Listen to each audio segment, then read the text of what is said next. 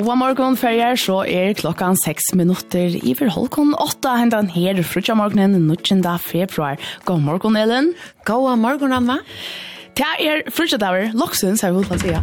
Ja? Allt är gott frutja dagar. Allt är dejligt frutja dagar. Och vånande er tid ötlar ut i ästena till rejar att uh, halda vikskiftet, så eller så. Ja, ja som skulle til arbeids, som skulle behalda frøy, som skulle farsta land og røyke rundt vi bøtten til imenska kappingar, som skulle sjolve, eh, spela dyster, og ja, hva skal vi skifte er aksjon? Her som man bare gjør ofte annet enn det som man gjør vanlig kanskje. Ja, og gjør det man er hod til. Onkti. Ja. ja. Atter til det som fasta fasta land og ikke rundt. ja, ja, det är så det. Det är så lukket det. Vi kan annars fortelle at en eiter Apollonia. Hon bor i Alexandria og døye om lei og er tvein skjold trus. Hun var punt og drypen for det troa skjertjer. Haltersøvan sier at hon fikk atler tennene trekter ut og var så gjerne brent av bålen. Apollonia er verndar haltermenne tja tannlaknum. Anna. Ja, jeg jag vet hva jeg skal si. säga. Alla trekk checkar ut. Det og brenta på allt. Man får jeg synes så. Hm. Har du ölet? Godt vikskifte. Navnet er annars etter griska godnån Apollon, hin ljomande. Ein søver er om at Nølsjapot ville at ein døtter skulle til eita Napoleonia etter Napoleon Kaisera, som han var så hodig nå. Men prester ville ikke døype henne vidt hun navnet. Og ta samtidig om at kallar henne Apollonia. Aha. Mm -hmm.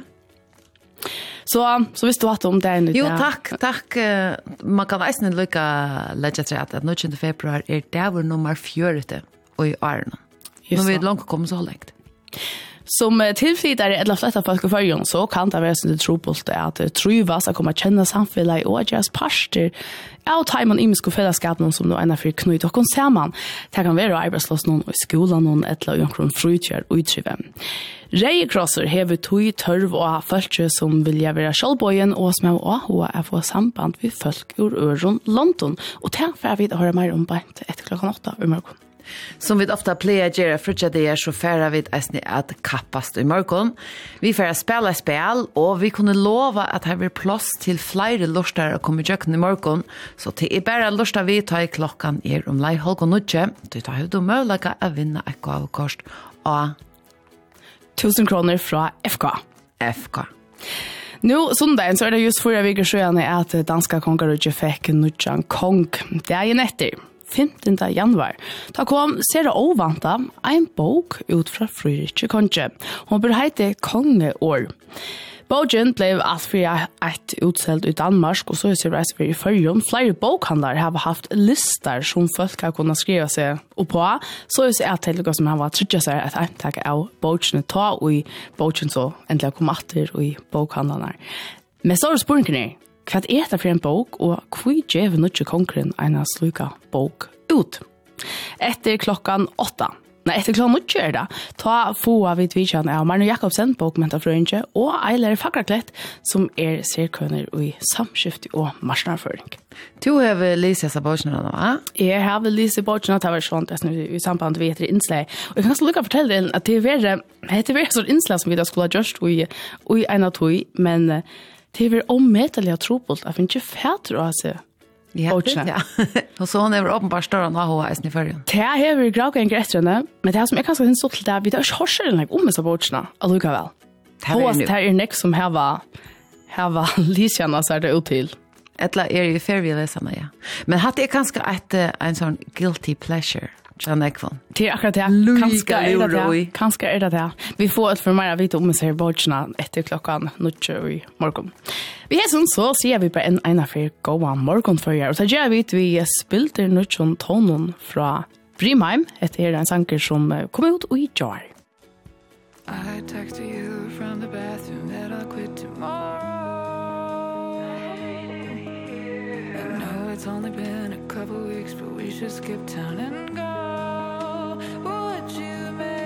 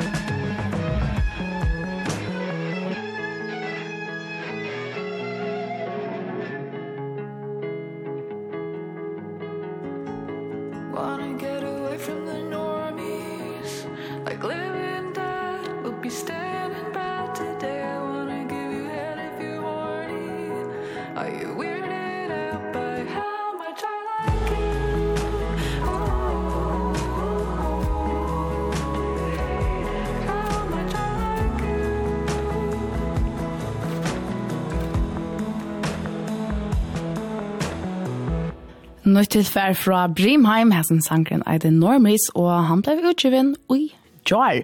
Klokkan er nesten 13 minutter over halvgån 8. Flere halta at dævren i det er hodnasteiner og i amerikanska rementene sjøve.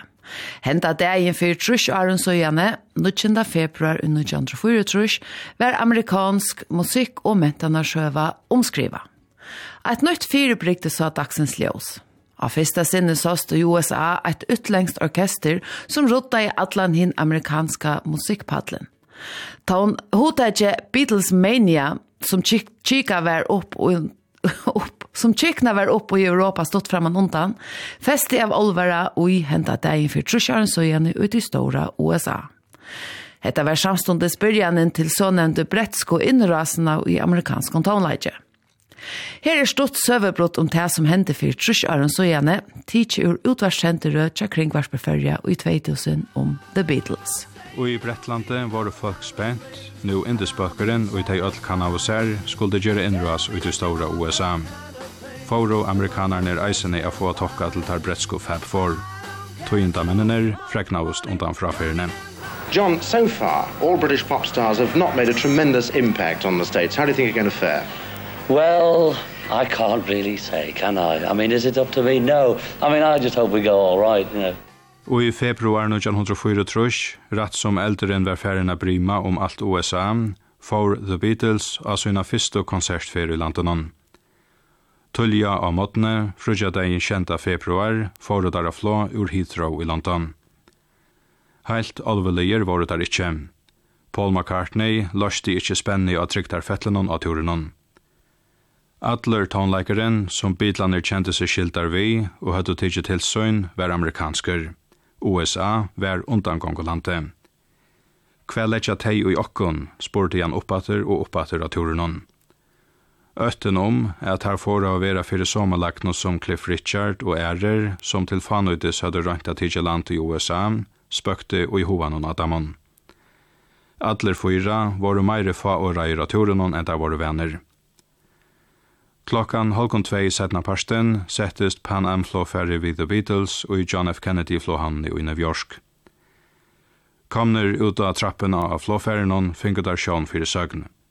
Flere tusen malsk ung folk hadde stikva seg saman i flåhavnene at hekk imot dem. Tar høttu etter öllna døma, lagt under seg alt USA, langt og æren stige vær og amerikanska gjør. Tjata man öllum fyra kjentes det som får et tungt åk av herunon. Velmanna gjer løkverjutelter, byrtu store flåhavnshøtlene av. Ta bitlaner kom ut i terminalbygningen, gjørdest ungfølsene fra seg sjálvun. Tei røptu og djeilavo og gråtu og i berun sansaløyse.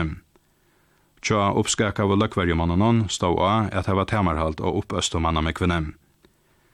Så ekvislia måttøkko høttu bitlander ångastene finnje. Og i USA myntist ønsken at hava se, og tog hans selder hårdt slugan gåra geng. Kvarske Frank Sinatra, Elvis Presley, etla nekkar annar av best omtøkt og amerikanske sangarnon, hei nekran du løpt sluka øye i grindina. No, I came here to say I'm not going to scream, I'm not going to cry, I'm not going to do anything. So here I am crying. And the thing is, I touched Paul the other day. I thought, well, that's not going to be nothing. I touched Paul McCartney. And now I touched him. I can't touch him again, ever again. Never. Kjøtt finkos frænir om hva tilhalte tja The Beatles og New York vær, og ungdomar i stauran tale vudgjørte seg til utanfyrir plasa gjestingarhuset. Vel manna gyrla hverju menn måtte gjøre mankar, så er regjelen ikkje herje i dittnar. We want the Beatles, runka i ur manna med kvinnem. Utvarstøynar sendt og Beatles tonleik utan uihalt, tan mest avsmattende versteren heie tråka seg inn og plasa, og finnje åri av Beatlanar, og heie tøy nekvita støst og lortare fjeltena. Beatlemania-feberen får altfyrir eit herjande om alt USA som en annor kjøtt. Longo og i sommervikene som fyrsta LP-platan kom av marsnagen, var hon selt og i slækare million enn tætje. Og om mia mars var Søland flerfalta oppe i halva fjore million. The Beatles heie og gjerne knappare vent finnes jo fasta tøker av amerikanske ungdommen. Hetta nøyvunna reie var roddeliga stafest og i april 1934, ta fremstu fem løgjene av amerikanska poptintenon var Beatlesanger borster av. Nummer 5, Please Please Me. Nummer 4, I Wanna Hold Your Hand. Nummer 3, She Loves You. Nummer 2, Twist and Shout. Og nummer 1, Can't Buy Me Love. Hetta var pura óhorst ein tømme. Ongen visste fra sløykon herradøm jeg sier. Hetta var Anna og Meira enn et vanligt brakt. Det fikk ikkje veri anna enn ein fullkommen og kolveltande syr og atlare til amerikanske tonleggarbranskene. Can't buy me love, love.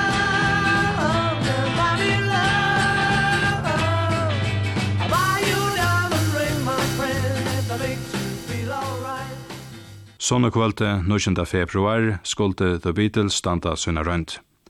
Tar var ovast av brettanon og i best omtøkte underhalssendingene i amerikanskun sjånvarspe, et Sullivan Show, som sendt var om Atlante. Og høyrar nere i Salenon var det 600 i tale, men holdt rush tusen høyde atlasar inn. Tøyentene om henta fremmanda bultjen, som hei gjørst atlan amerikanska ungdommen pura byttan, hei ersta forvittne tja som ötlund tam og tilkomne.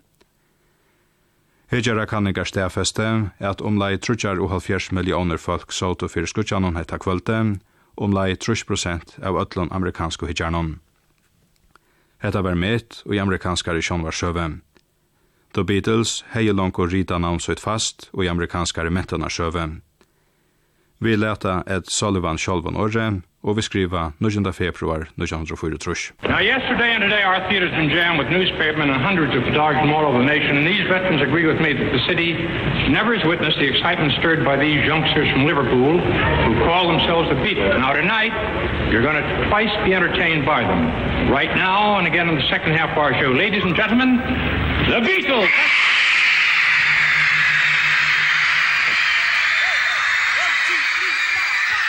Close your eyes and I'll kiss you. Tomorrow I'll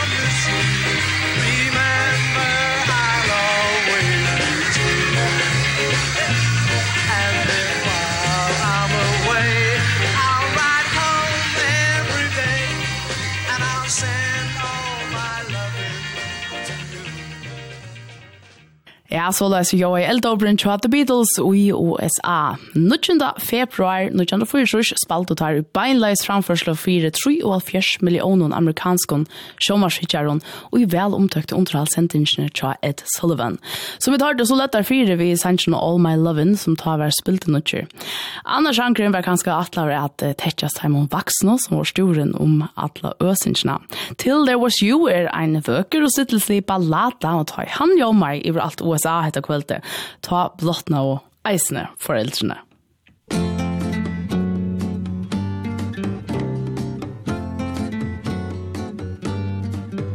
There were bells on a hill But I never heard them ringing. No, I never heard them at all Till there was you. There were birds in the sky But I never saw them winging. No, I never saw them at all Till there was you. Then there was music And wonderful roses. They tell me in sweet fragrant meadows Of dawn and dew there was love all around but I never heard it singing. No I never heard it at all till there was you.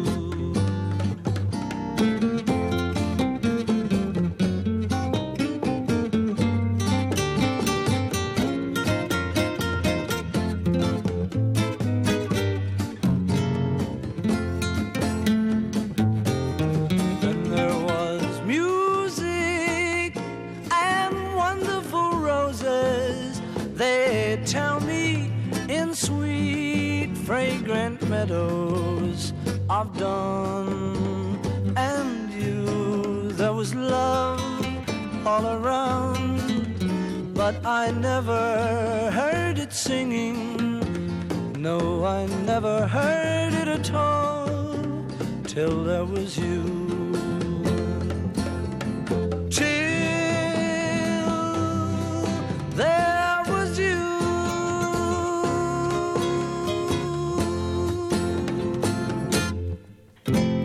The Beatles og sangren som heter Till There Was You. Klokkan er kvæd om å være 20 minutter i 8.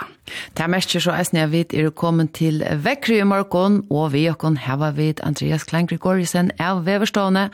God morgen av førskånd, Andreas. Jo, takk. God morgen.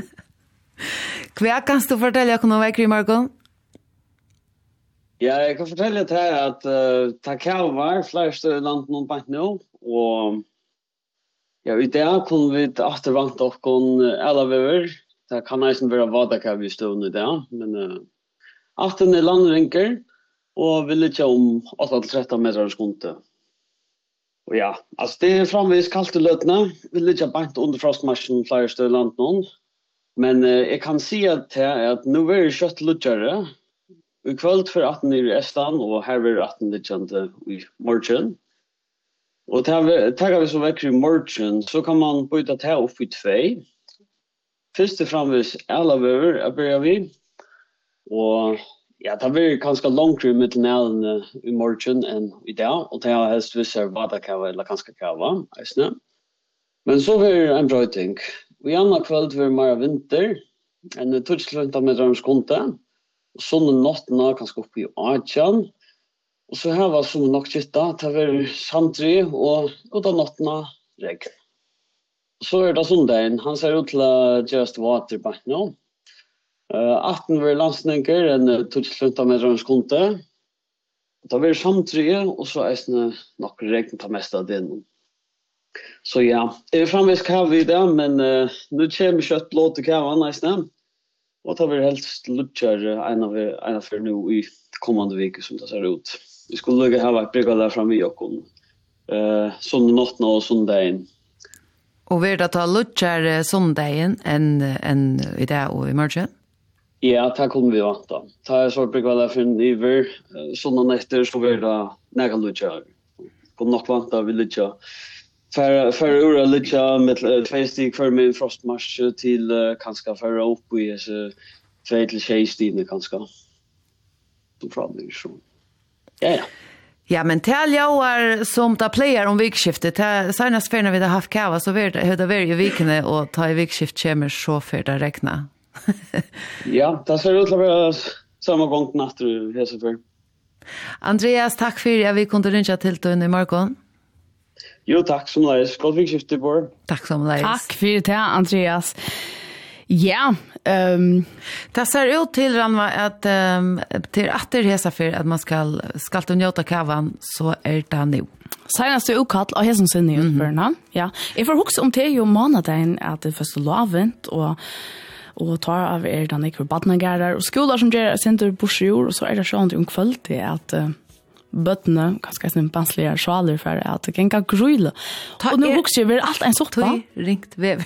det er ofte ringt vev, men helt og vi er alt en sånn soppa tjata men jeg kan Ja, men ble at det ikke er at vet, og jeg kava drakt det og så Spider-Man åtta meg, det ser ut som en... Han har du buff Spider-Man. Det er buff Spider-Man.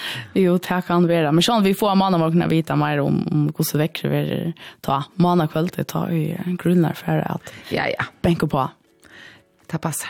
Jo, annars har vi er atter etter åtta, så får vi gester her i Utorsjona, men middelen klockan åtta nødt, så får vi det at uh, have en kapping. Ja, det ble, altså, frugjedaver er en sånn, sånn festligere daver, jeg center sånn mer spennende daver, og ta ligger en kapping jo rettelig vel. Ja, det er. Vi får at uh, spille spøl, og ja, anker, fer et gavkort fra bonus og tuskron. Ja, vi forteller ikke själva ikke mer av bare. Nei, nei, nei, nei hatt av verit her.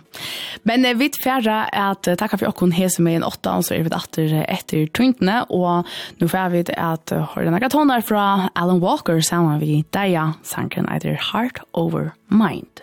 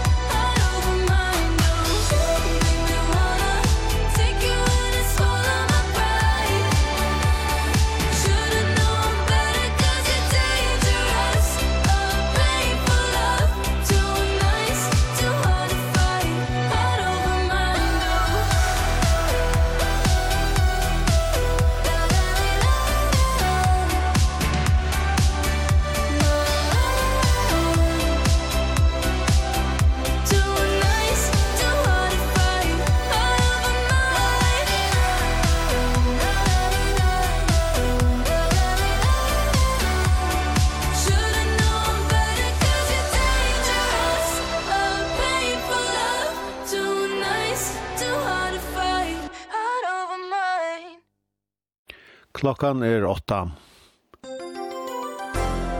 Mæveren som han mitt i torsdagen fikk trusdi at tredalesa fangselsrefsing fyrir smukla og leta hash, hever langt og skåte daumen inn fyrir estra landsratt.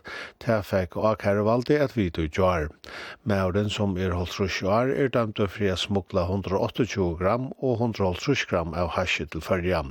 Han er dømt fyrir i fyra førun at heva let i øron hash, baufernar ta han smuklaie og ut feimun øron førun òsne. Trøystegar er vanlige dømeren for det som mauren er dømt fire. Som starsfølk tja Atlanslå heier mauren særlig etgang til flåvettelen og Valvån. Løytingen heldur fram etter tømme på å sakna og av kampe, etter at skipet fikk en sjekk tullja torsmorgnen og sakna kassettene om løy seijan fjøringar og gjønne sunning ur Akraberge. Kjaldre er av løyene og løytar, medan Brimel er av ved å havna at skifta manning og fer sandlukt av steater i det, sier Peter Sigurd Justesen, vaktløyar av MRCC. Skipene hava enn ikke funnet av tøytningje. Framvegis er hun deg fersle og happ og ringo og køyreløsjent noen Søgnasta samtøkere var å fyra og i havn, Sørveie, mellom Kibanis og Skalafjør, og mellom Vå og Porskjøre. Onkur bilførere gramte seg om poino og føra sjukrehus til Kanningar. Ongen bilførere er skuldsetter fyra køyre vi ulovlig dekkon, sier politiet. Fra torsdenon av midnatt til midnatt i var varu tjei ferslo avhap. Strandfærslan noktar at rinda 1,3 million kroner fyrir øyna nutja bøyleggingarskipan. Og gau million er fra 2021 og 222.000 kroner fra 2022. Og i oktober 2020 stemte Vajdaren strandferslene etter endurgjalde. Mali er i løpene til vitsjerar og i rattaskipanne.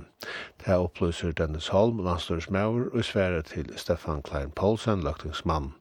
Vajtaren hever finnje 605.000 kroner. Hinn penningren som standferslan at tjalta er å tåsetter av om standferslan korsne vrudant at tjalta. Det kunne være bedre, men det kunne også være verre. Det er nye støvann tja føreska landsleisvenjernon Håkan Eriksson etter lotakastet til Nations League her følger er komnare bølg saman vi Armenia, Norr-Makedonia og Lettlandet det är väl ungefär som, som det brukar vara att man är, man är både missnöjd och nöjd.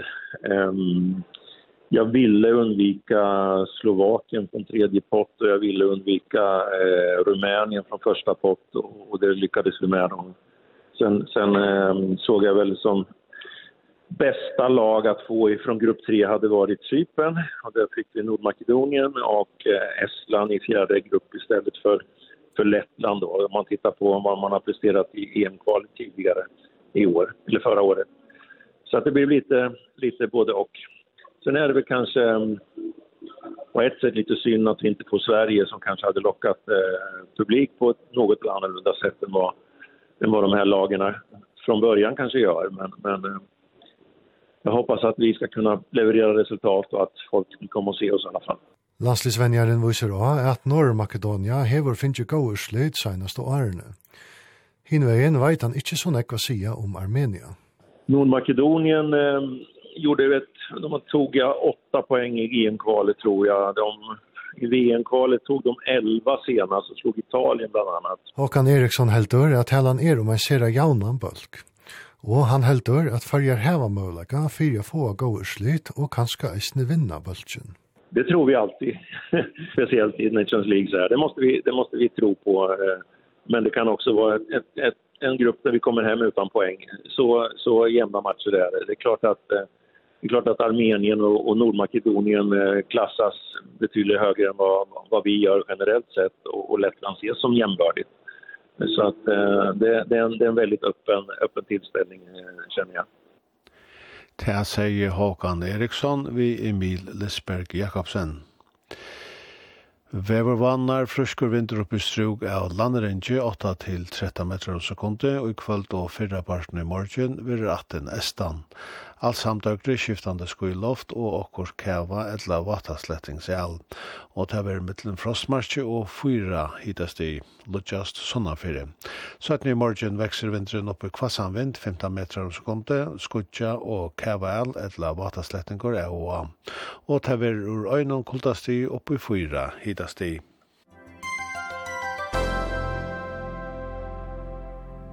Vi tar henne kunnskjer, følge skipar og navigatørfella bjåa limon felaksens til brygva kaffe og morgemat, og i morgon klokkan 12 til 12 og i hølon felaksens.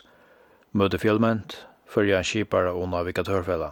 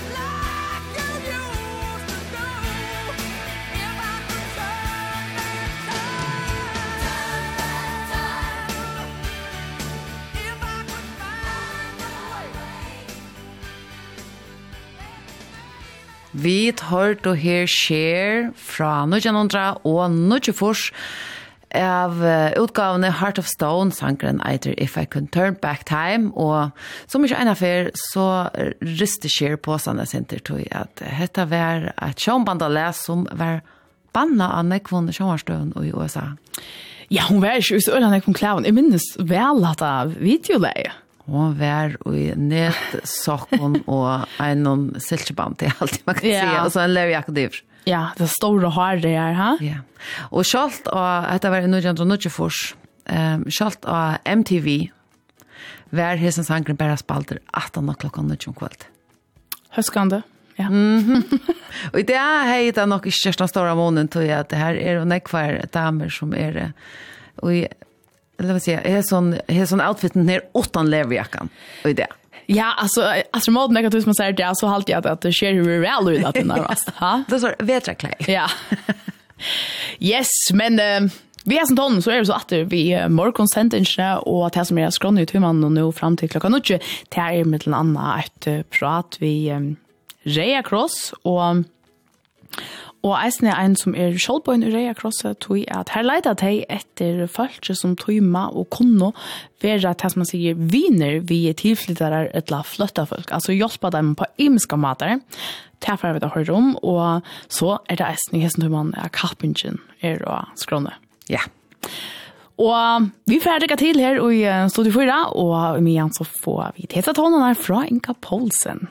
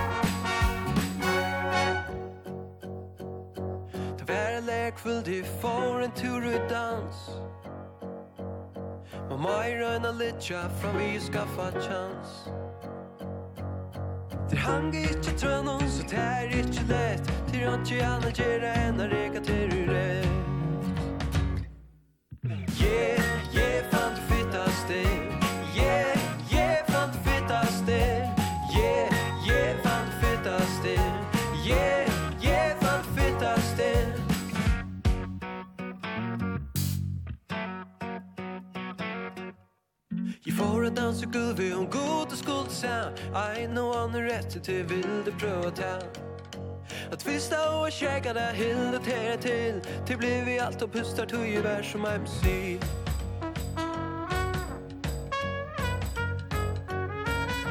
Lion Jack så heim ta värre värre skil. Nej, inte värre nukter gentan dutt, till jag til. Till I'm very scared jolling, guy have a sound. Men gentan hon var fit alla viktigaste där Yeah, yeah, fant fit as Yeah, yeah, fant fit as Yeah, yeah, fant fit as Yeah, yeah, fant fit as det Da gentan Det som hon vär Vem som vid ger så kommer hon där mig Yeah, yeah, fit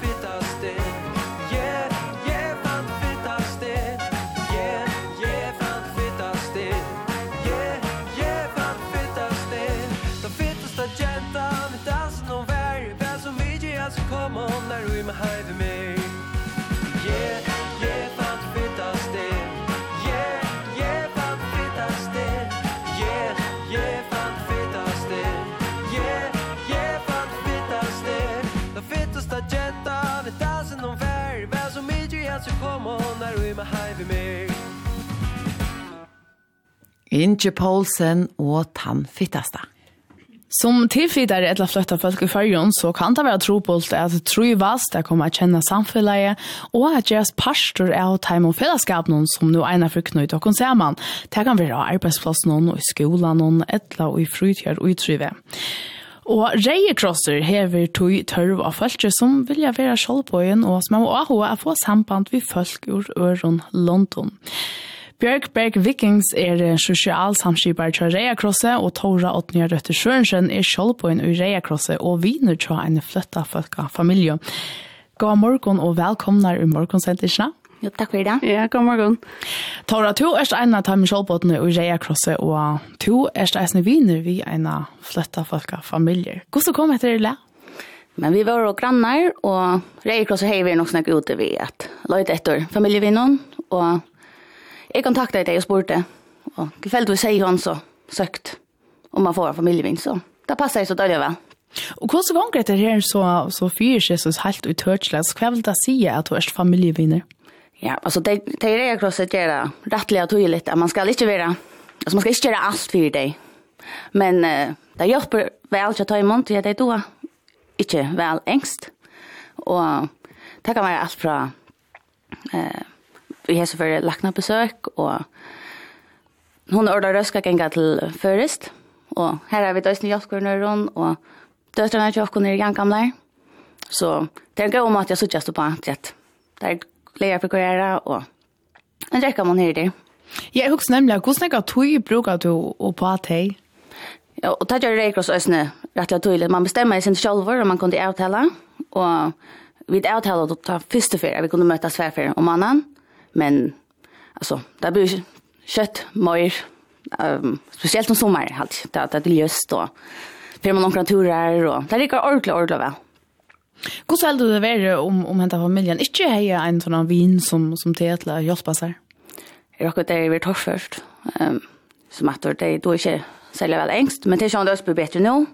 Ehm um, men det så som man får lacknan och vita hva, hva skal man fære til tannlaknan, og vita hver en tur skreiastående, hvordan gjør man ta, og um, hva kjøper man i mist, og hva henvender man seg til, og Alltså, det är ju en självfyllt att jag tar imon. Så jag har alltid det är en stor hjälp. Jag förklarar men också för mig till att man får ett nytt vinnarband faktiskt.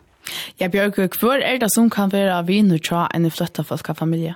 Ja, det är ju så å si, öll. Alltså, vi tar bruk för uh, ungdomfölke och alla självbot någon i öllon aldre och alltså, man ska köra en av så bakgrund att kunna näka avvist att ha AHA för uh, Falcon ur Ørn London och AHA att uh, at lukka som husa dem om hva for samfunnet at er kom til, og hjelpa dem å kunne få ta seg her, og det er det, er det viktigste, og med menneskeligheten. Men hva vet du om tørven og hva er sånn vinen om?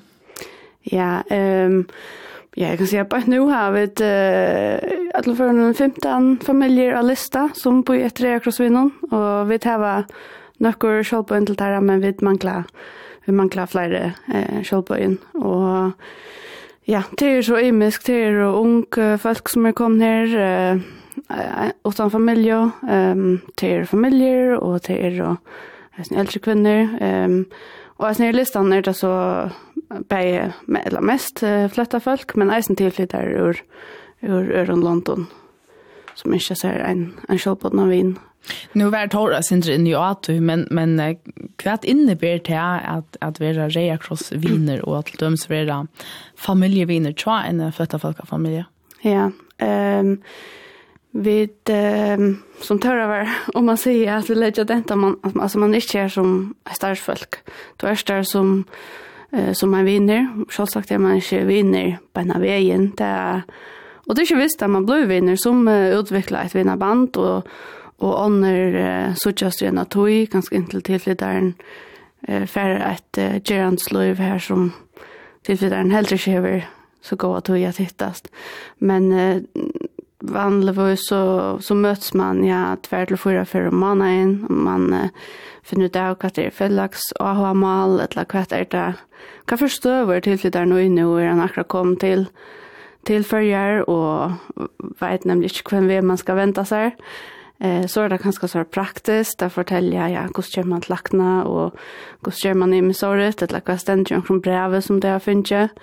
Ehm och så kunde det vara sån övergång att jag men nu skulle button ny skola eller barna går hur så fungerar det att stå löva eller skola löva i förjon kvart är tar oskriva reglerna eh eller se vänjerna ehm kan för mer packa här button vi och barna går och skola ehm hur så kör man ut arbetsmarknaden Så nekve er at det som er vise vujere, og som Tora sier at ikke takke oppgavene fra følge, men jeg vet her vi sønner av dem, vi lina av dem, og, og, og vise um, eh, ja, og i alls, etla, av star.fo kan stå finna størv, og så sier kan man, etla, hever du ho at ikke etter hvordan man skriver en omsøkt sammen, etla, så sier kontakter man arbeidsgiver i førjen, um, ja, så har det mest. Mm. Kvært sier tilflyttere eller flytta folk av familjer om hesa tjenestene som, som tilbjør? De er og de er veldig glad for at jeg var eh, for en egen person som de kunne vente seg til. Og jeg synes selv om det ganske ikke hittast så ofte, bare at jeg vet at de her var, her var en person som, som, som er her, som de kunne røkke ut til. Det hever, det hever Ørland, jeg bare sier. Um, og det hjelper eisene at jeg venja male, altså, um, det kommer lukka som, det blir sjåtar sjålvstøv enn de som ikke har vi, nu kan se man bare med den ukrainske fløtta først, nå, til vi tar at eisen fra øre og myndleikon, at de som har reakrossvin, de, de kommer ikke lukka ofte å spyrja om imist som, uh, som hinner tilflytterne eller flytteforskene, Um, så ja, det att det här bankarna at uh, vända seg til, det det hjulpet dem vel.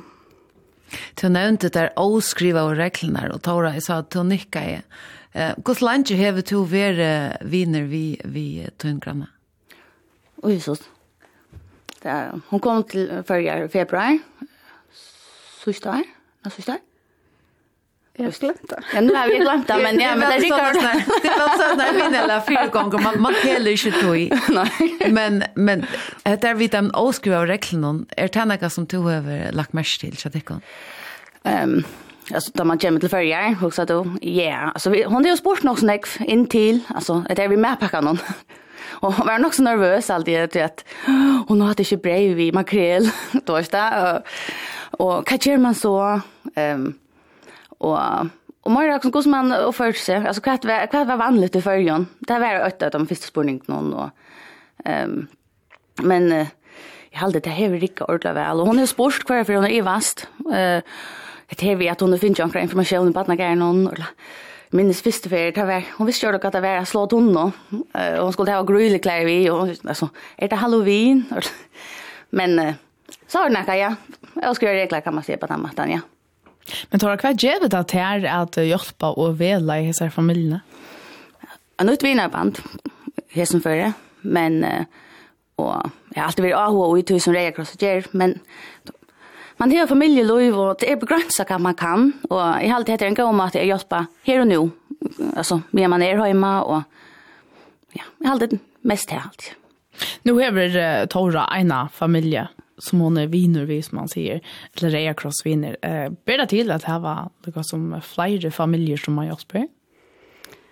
Det kan man men eh alltså Jag vill helst så, så är det att man får en, en familj till att uh, du är så kärlig på förhand om det kommer så just ofta eller inte så ofta men eh, som uh, här var jag vet hur jag finns ju en vinnarträet visst det är den första familjen som det kom samband med, att det inte hittas ofta, eller att det inte är så stor törver så, så hade det funnits en vinnarträtt. Men det är inte krav om att man ska ha flera, flera vinner. Och till sig att det heller inte några krav till de första som bjöd sig fram med att, att vara rekrossvinner.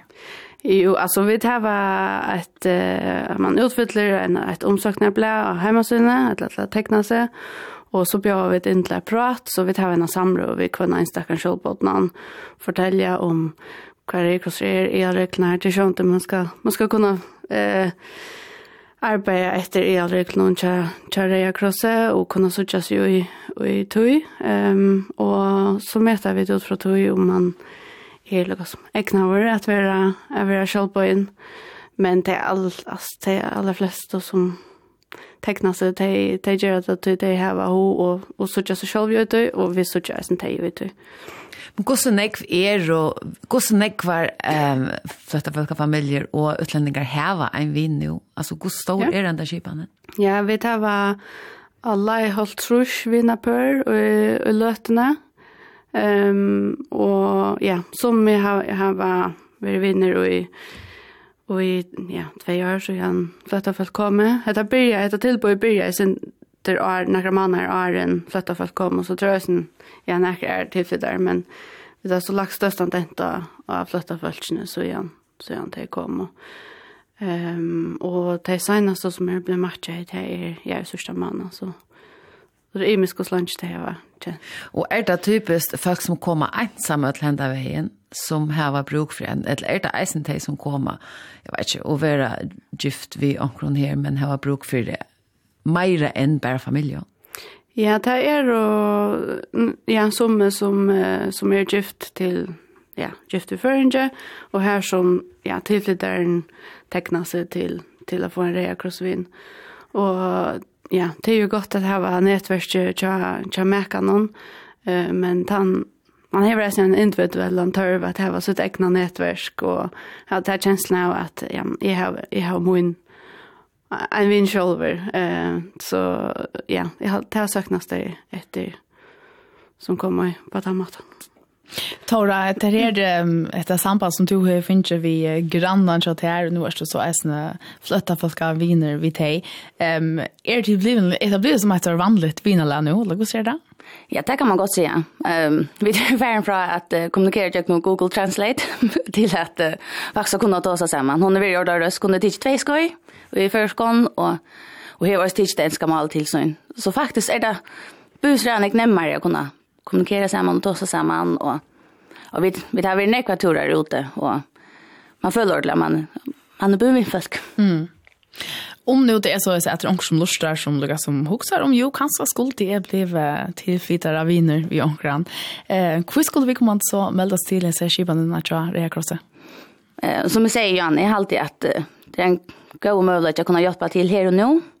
Och och det kan vara en omkylning där man kanske inte har tog, man har sitt egna familjeliv och men i allt att det är stort och väl att alltså man spyr i spårna bland någon om felaks och böten går skommel det är då och i allt det är faktiskt närmare att ta det är en familj och hes akkurat för en familj mm. och man har böt som igen kommer så är det närmare att mötas så att böten får ösn glädje kvar nu och det är inte bara det vuxna och och faktiskt kunde jag ösn ge vart att alltså man ger inte bara själva men man fär ösn Så jeg halte til en god forklaring alltid. Og Røyegrås gjør også noe godt arbeid, vi er bjøy til jævla halt. og det har vært gjørst og merk vi.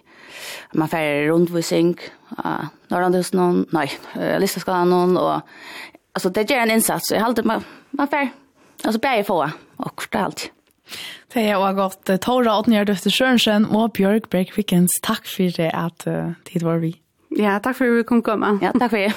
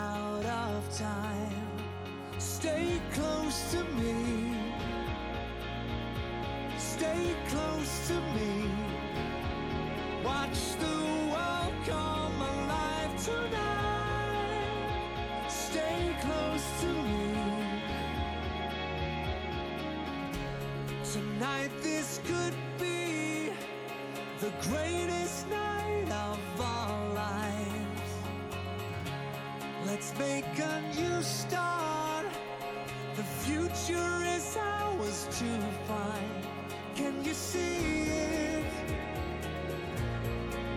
Can you see it in my eyes? Can you feel it now? Can you hold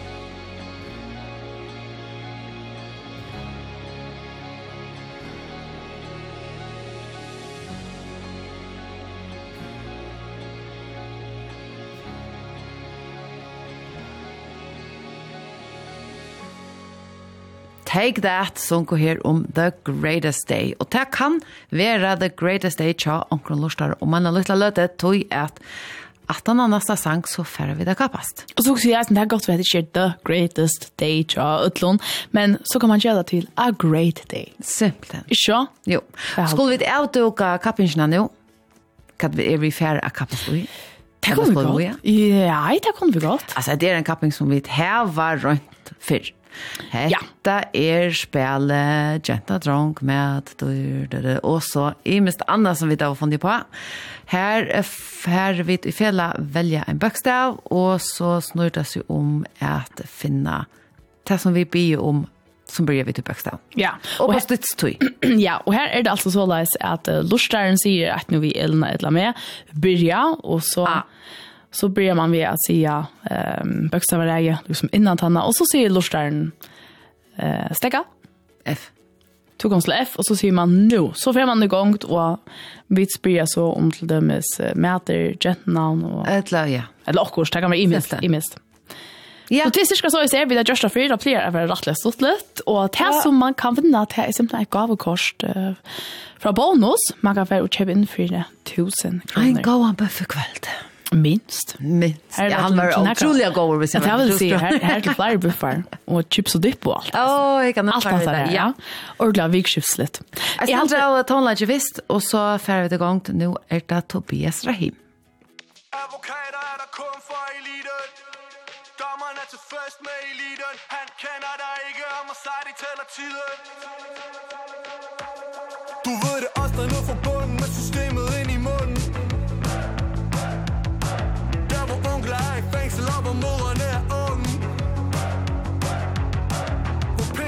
lever smart, har ikke råd til at være dum? Men mange starter som pusher, mange ender som kunden Ja, mange starter som pusher, mange ender som junkier. Advokater er der kun for elite. Dommeren er tilfreds med elite. Han kender dig ikke, og må sej dig tæller at Gør dit bedst for at ende i elite For advokater er der kun for elite. Din bror er bare et for elite. Ja, han sidder inden for stjælen så Advokaterne de er der for eliten Advokater bryder loven uden at sige det. Og hvis du vil have dig selv, så skal du give dem. Så slipper du for dommen for de bags, der var i bilen. Og jeg kendte ikke puden, der er lag i mit rod For de vil skide på, om det var til privat forbrug. Og advokaten skal have sky, så vi ud og rive dem. For advokaten, bror, han er der kun for eliten Advokater er der kun for eliten Dommeren er til først med eliten. Han kender dig ikke, han må sejt i tæller tiden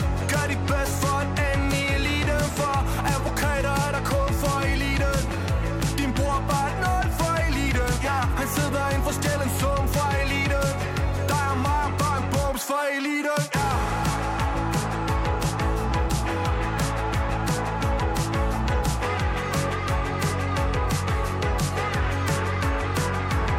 De laver ghetto paragraf og siger loven den er lige for alt.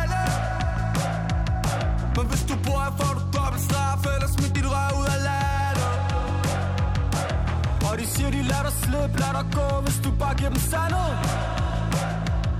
Jeg er født på Herlev Hospital Men hvis det går galt, den drager de pas. Advokater er der kun for eliten. Dommeren er til fest med eliten. Han kender dig ikke, og mig sej, de tæller tiden Gør de bedst for at ende i eliten For advokater er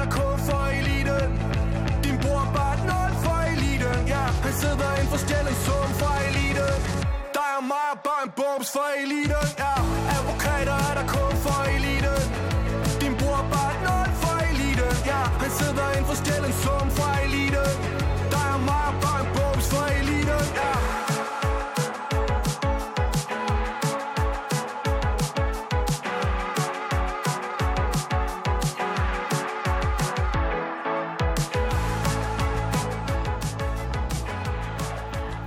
Så hører vi ta senaste av Sanchen og Booms for Eliten. Hatt det vært Tobias Rahim, og klokkan er blitt akkurat 6 minutter iver. Holger hentet han her deilige frutja morgenen. Nå er togjen kommet til at uh, kappast. Ja, her var som som var så...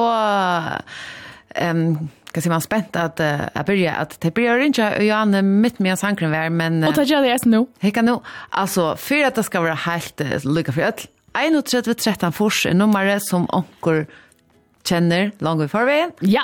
Ehm men skulle vi spara vissa två väljer ett nummer av telefonen och tröstra till så börjar vi. Vi tackar fyra ran här. Goa morgon. Hej, god morgon. Hej, kvön pratar vi vi. Det är Jon Leigh Hansen. Jon Leigh Hansen, goa morgon. God morgon. God ser det, klockan är akkurat färden av Håkon Nutsche, to ärsle rejer till att kaffa fast. Mm -hmm. Ja, akkurat det här spelet, uh, Genta Dronga eller Landbo i bygd, jeg vet ikke hva man kallar det, där? Är det något som du uh, blir å spille? Jeg har aldri så stått. Det är, det er faktisk stått. Ja. Ja, men vad ska vi tverre vara bant og i gang, og vi gör det såleis att Um, Det som vi tjekkar kjall og tu sier byrja, og tu sier stäcka. Och så tar jag jeg stavra innanfyr. Ja. Börja. Ja. Stekka. P. P. Er du klar? Så ja. börjar vi nu. Mätor. Pera. Genta. Pola. Dronkor. Per. Byggt boi. Porske. Land. Polen. Sankor. Mm. Oj, det var värre. En sanker vi P. People. Jeg vet ikke. Nei. Du kan alltid rinja atter, ikke det? Jo, jeg prøver etter. Yes, det sier vi.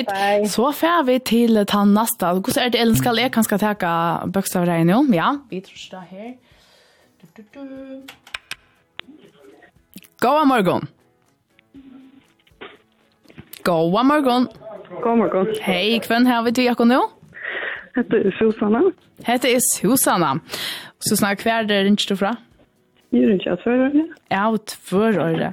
Og to er til reier til, til dette spillet. Og kan jeg prøve, jeg spør. Ja. To uh, sier bare byrja og stekker vi med, og så får vi bare bant i gang til sjå, og jeg tar ikke tog her. Ja. Ja? Yes, pappa. stopp. Jott. Vi byrja nu. Genta.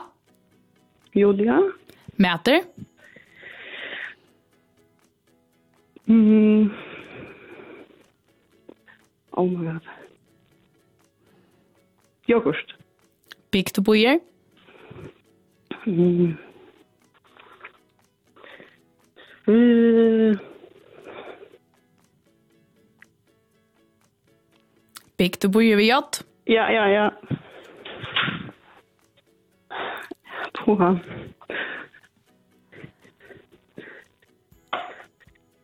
Vi går för vad gör vi för vad gör till ja, liten. Ja. Liter.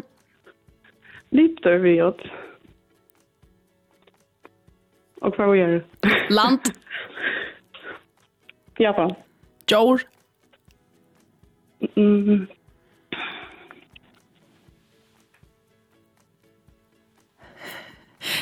Nej. Nej, det det går inte ordentligt för komma. Nej. Nej, vi stäcker här och heter ett för nummer för en minut, men tack för att du ringde in. Du kan alltid aldrig alltid. Yes, tack. All right. Nej. Elin så får vi det. Vi tar tag du nummer ringer en. Det tar det. Alltså det ringer alltså kvinna. Takk som nummer 2. Go Amargo. Go Amargo. Hvor er vi akkurat nå? Solveig. Solveig, er du klar? Ja. Ja. Ja. Skulle lägga ner.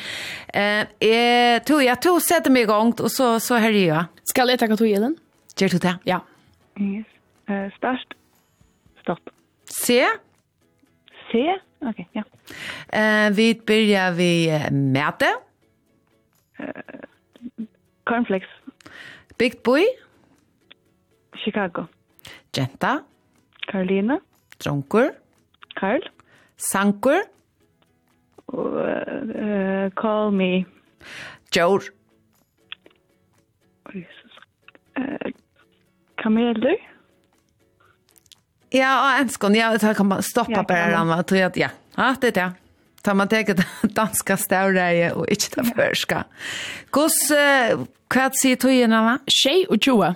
Sekund. Kamil til å lykke åtta i Atlan Føren. God.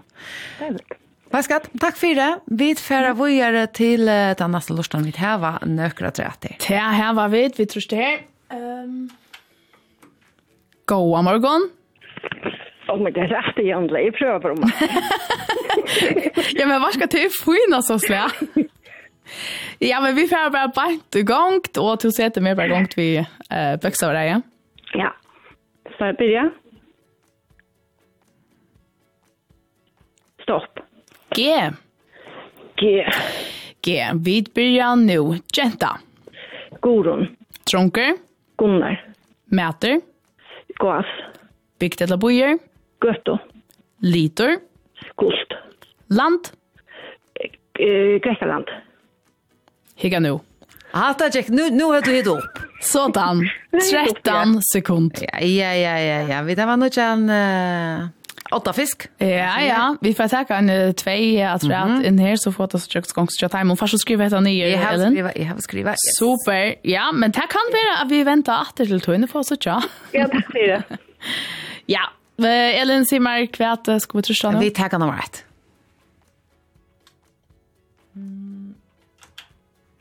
Gå, morgon. Ja, morgon. Hur kan nå ha man kvar resten vi? Helt att det bara att amnar som tar till morgon. Kvar pratar vi vi? Du tar så Magnus. Magnus, hur ser spel du ofta sort här? Jo, vi spelar ofta fast skolan, men det är några skenar. Ta sidre center och i ryggraden, Gerst, ja? Som blir hoppa. Där finner det att noe det. Ehm, du, du blir bara börja ta ett och överhåll. Hur ska du jag ska spela man? Du säger börja och så säger du stäcka och så tar jag stävra i en annan. Ja, så ja. Ja, börja. Stäcka. Vi tar att det var jott. Man ta om att det det behöver vara. Ja, ja. Börja. Och stäcka. F. S. F, F som Nej, det kan inte. Nej, det är som för små. F som um, ja. F som Frankarike at til dømes. Ja. Er du til reier, börja? Ja. Så byrja vi nå. Bigt boy. Foklafyr. Jenta. Fruja. Dronkur. Frank. Mätor. Uh, fiskur. Uh, sankur. Uh, follow me home. Jor. Fiskur. Yes. 15 sekund. Det var en flott en ørenplasse ja, första plats för tapparna. det är så där första tapparplats är ett av beste av timen som inte vinner. Ja. Fraluk Magnus. Nu får vi så att tacka en lustare in att träd nu pratar trösta. Vi kommer att ska klara det under 13 sekunder. Simpelt än. Simpelt än. Bena prova det. Goa morgon. Goa morgon. Du måste lukka dämpa i sin utvarspe som är fra her. Ja, vi ordner dempa, ja. Ja. Men vi må høre. ja, men du, ja. hører du ikke mer helt på eller hva? Jo, jeg hører det, jo. Ja. jo. Nå sier vi henne som er røver. Nå, no, jeg tittar som er. To, uh, hvem ringer du? Jeg ringer, jeg var verst om faktisk. Ja, og jeg har ikke engang funnet navn, kjødder vi ikke. Nei, det er mæren. Det er mæren, fynast og slag. Eh, 13 sekund, det er altså besta tøyen her til, helt ut du forklare det? Ja, akkurat mye. Alle tider. Hva skal jeg? Du sätter mer i gang, og ja, kjør så vel. Ja. Svart.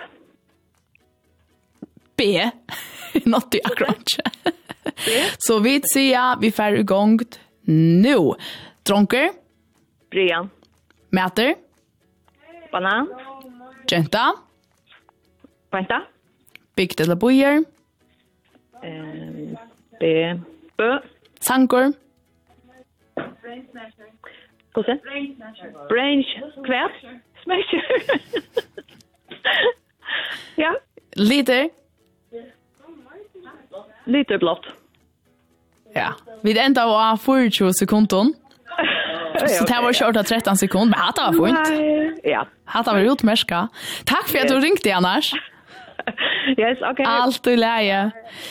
Hatta merker alltså at uh, man skal aldri give upp om till If at first you don't succeed, try, try again, sier et engst åretak, og det kan Jan Leis skrive under på at det rekker ikke vel det første omfære, men ta Jan hei hit opp og var kommet etter, så ja. At det gjør så øyelig vel.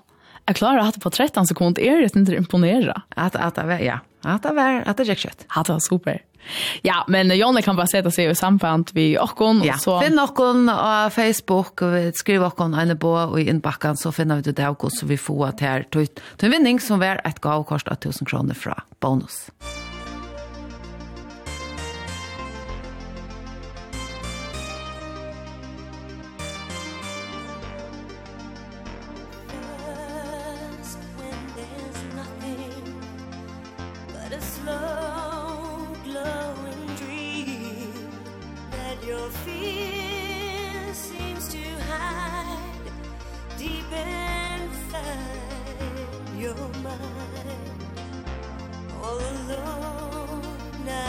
cry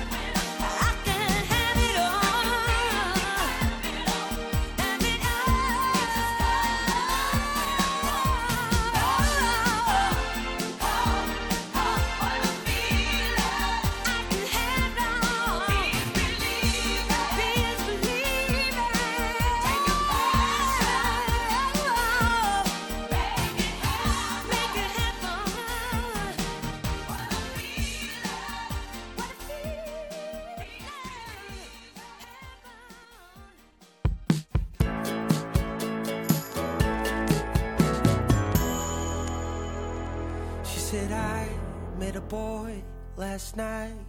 You told me I look pretty. Then we talked for a while. He was from the city. Got a plan for his life. You could see the fire And the passion in his eyes. Now let me guess how the story goes. That he's six foot five and a Romeo. Oh, oh.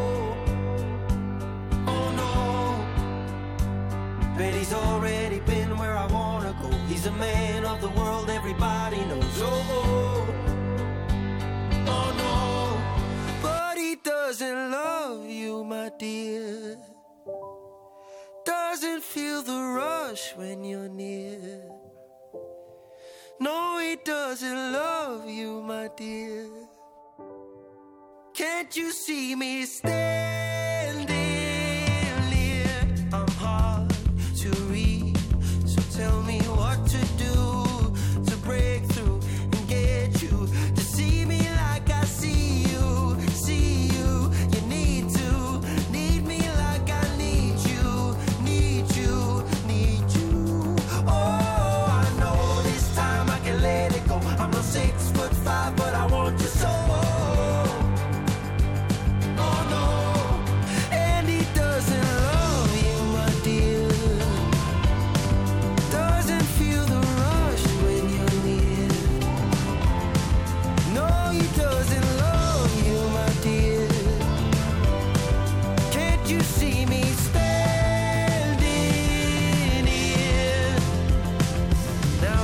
guess how the story goes. Steady six foot five in a Romeo. Oh, oh, oh no. But he's already been where I wanna go. He's a man of the world everybody knows. Oh, oh, oh no.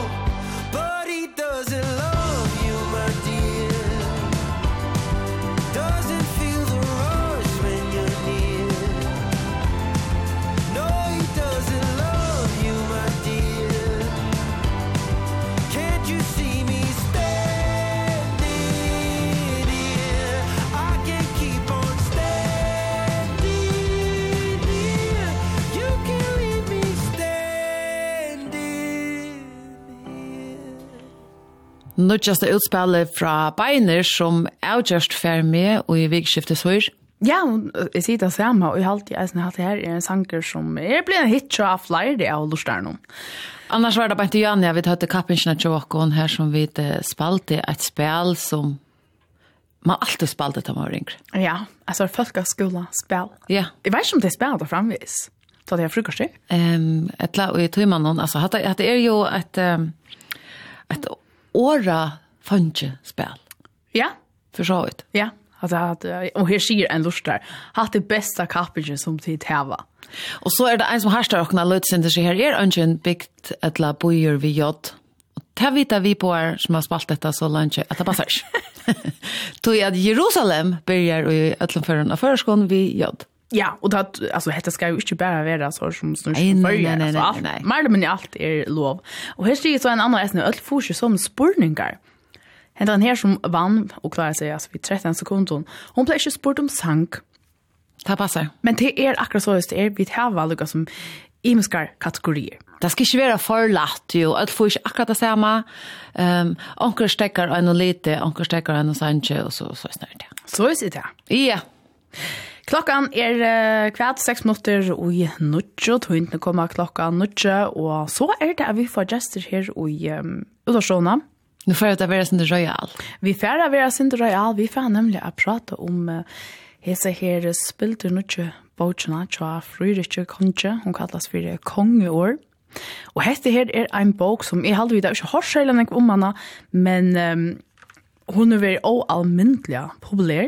Trouble of Fedra. Tropola få fæter, och hon var ju alltså utselt, och alltså så måste pränta nya böcker och och hon är förrun resa för och allmänna story folk har simpelt skriva sig upp på listor för att seg et att av alltså boken tar hon kom åter till till henne till landet. Det är allt att han och klockan nucho. Det er det. Nå får vi datter til Nægra Tonar, og her får vi fra Diana Ross og The Supremes.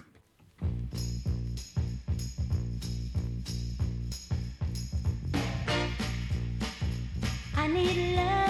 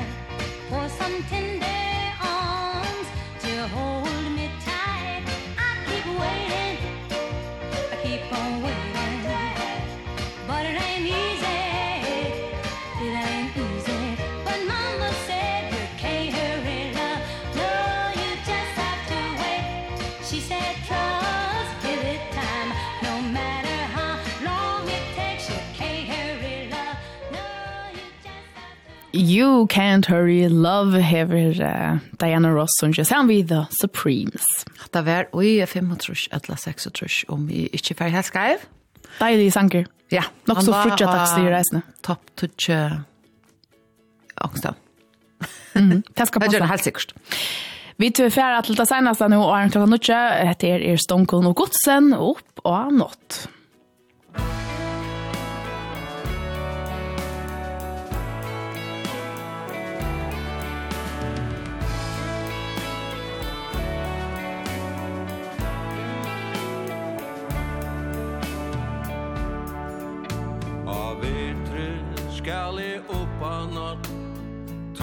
Er ute kallt og vått. Om sommare er songartøy Om dagen er ma spyrja kvøy. Jeg skal og i song ta fuglorin Og i høvun lofte letur enn. Og vaksen genga til og fra Så frialig mest som at ta.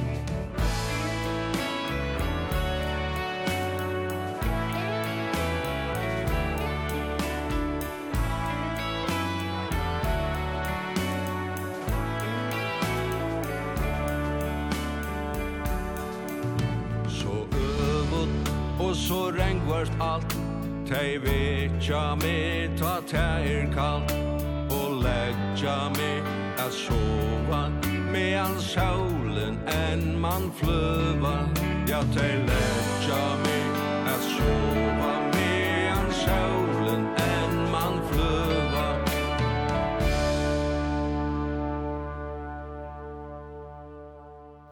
Klokkan er nødjo. Føreska vinnan er ikkje så bjerskikt som hon hever vere.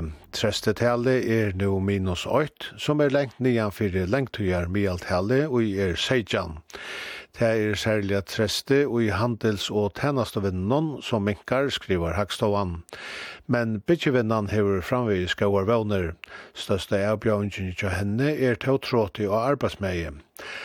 Anna kvart byggefella sigur at hetta tråti er størsta framløslo avmarkingen. Husarhaldene vanta fortjallige støvna at vera et lyde vet betre komandi året, men de vanta sær hos til ikkje at gjera større kjeip, til dømes kjøpe hus eller bil. Folk vanta er prusene fer at hakka spekulia komandi året, spekuliare komandi året enn tar gjørto seinaste året. Framvegis er det nek ferslo og happ og ringo karlutsen noen Seinasta samdøyre var fyra åhap i havn, Sørveie, mittlen Kipanis og Skalafjør og mittlen Vå og Porstyre. Anker bilførere gramte seg om Pøyno og føra sjukrehus til Kannegar. Anker bilførere er skolsetter fyrir køyra vi av lovlig dekkon, sier politiet. Hauast futjarmalarai og kommunala arbeidsgjøvarefella i vilja at sjåtas til ber at få i semjo vi pedagogfela i, vira tei innskje tja fellanon om at stegga vi samrøyngunon til etter e-alfonden som verur annan mars. Parslaner hava ikkje avsett nudjan samræðingarfond. Sattmala samræðingarnar vera teknar oppator, så kjøtt som nevnte nu i pedagogfellanon hever kipa seg etter IAL-fonden, sida Fodjamalarøye og kommunala arbeidsgivarfellaje. Sattmalen gikk ut 1. april og i fjør. Nå ber atter til at søkje om stål til menning og utdodgjennom. Utdodgjennom stål kan letast anstaklingon, virkjon, felevon og kommunon. Stolen skal i minst møvelig mån være kappingar av leande. Jottanen er 1,1 million kroner. Er ikkje av alvara færre underarbeid som hever finnes stål åren og et halvt år etter er stolen i leten, fettler tilsøknen borstor om ikkje anna er avtala vi lagmalareie. Stolen skal ta tjaldast attor, stendur og i reklagjerne om utakja stål. Her stendt røysene at golden stål verer krautor atter golden om avlopp er sammet vi avtella, ja, versemme. Eutajanar er og fukla svuinai, kaltsøy mykines, hestur, koltor, skuoi og stavra døymon. Omsøkna frøsten er til 1. mars.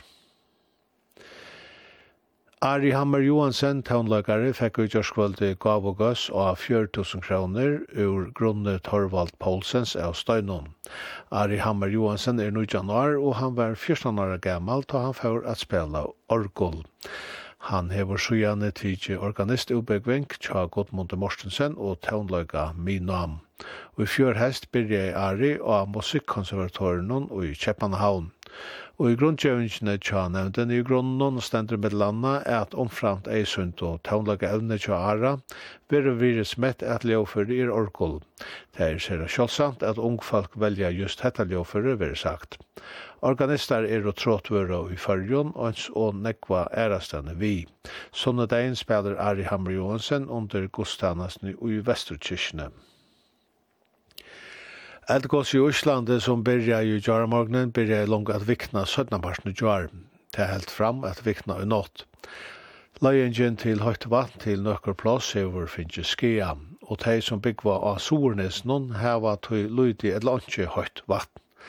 Nuts løying til høyt vatn kjemur i fyrsta leie og i anna kvöld. Tøy verre kaldt innan dora til i morgen etla sunnedein til tøymon som byggva her av løyene. Og i tvøymon bygdun er ongen skolagong til det og i jar for veveren til grindavukar under gråtbreinsna. Januar manaje ui år vært han høytaste som nekrant i Moltor. Taboit Kopernikus som er veverlagstjenestan til ES at sida. Kopernikus gjevur kvann mana ut og en fragrøying som mittel anna vittjer gongne og i hitanon av landi og av Sambar søgnast og fragrangene var mialhiden i januar og i hamsøpe 13,14 hitasti. Det er 0,12 sti hakre enn i januar 2020 som tar hver lodjaste januar her til. Etter 8. mann er at nytt hidamit vil sett.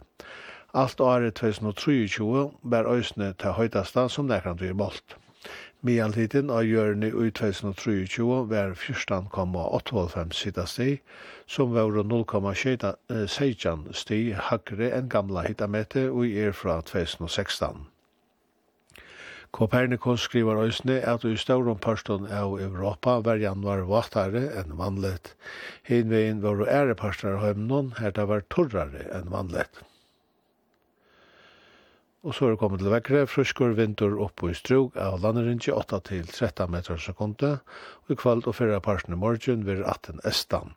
Alt samdøgri, skiftande skuiloft og okkur kava etla vataslettings el. Og tever mittelen frostmarki og fyra hitast i lodjast sunnafyrre. 17 i morgen vekser vinteren opp i kvassan vind, 15 meter om sekundet, skudja og kava el etla vattasletninger er og og til verur ur øynun kuldastig opp i fyra hitastigi.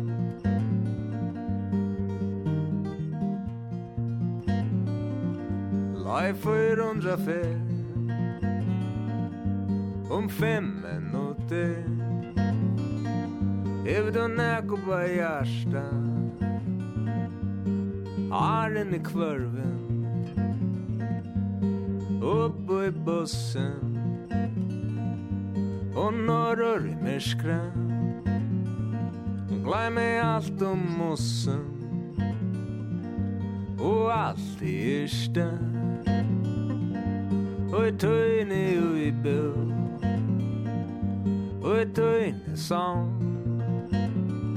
Som er alt og trång.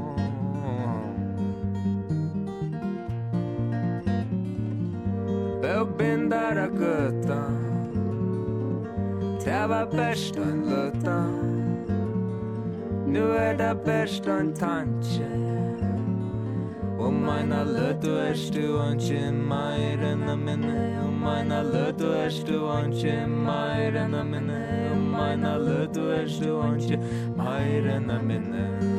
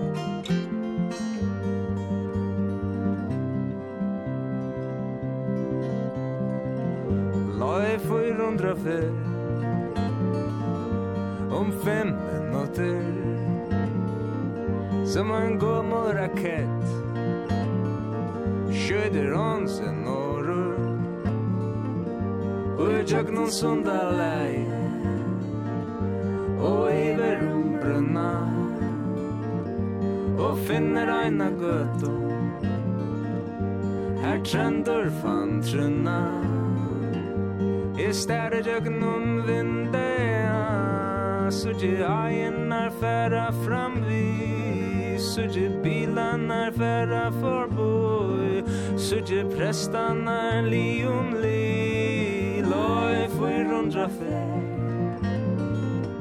Om fem minutter Hevur du nekko bæjarsta Arne kvam